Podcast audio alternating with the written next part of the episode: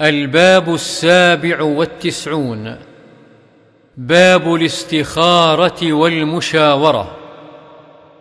وعن جابر رضي الله عنه قال كان رسول الله صلى الله عليه وسلم يعلمنا الاستخارة في الأمور كلها كالسورة من القرآن. يقول إذا هم أحدكم بالأمر فليركع ركعتين من غير الفريضة ثم ليقل اللهم إني أستخيرك بعلمك وأستقدرك بقدرتك وأسألك من فضلك العظيم فإنك تقدر ولا أقدر وتعلم ولا أعلم. وأنت علام الغيوب.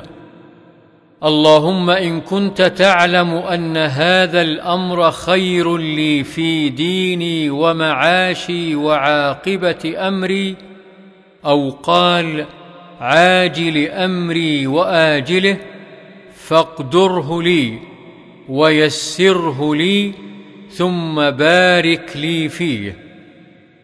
وإن كنت تعلم أن هذا الأمر شر لي في ديني ومعاشي وعاقبة أمري أو قال عاجل أمري وآجله فاصرفه عني واصرفني عنه واقدر لي الخير حيث كان ثم رضني به.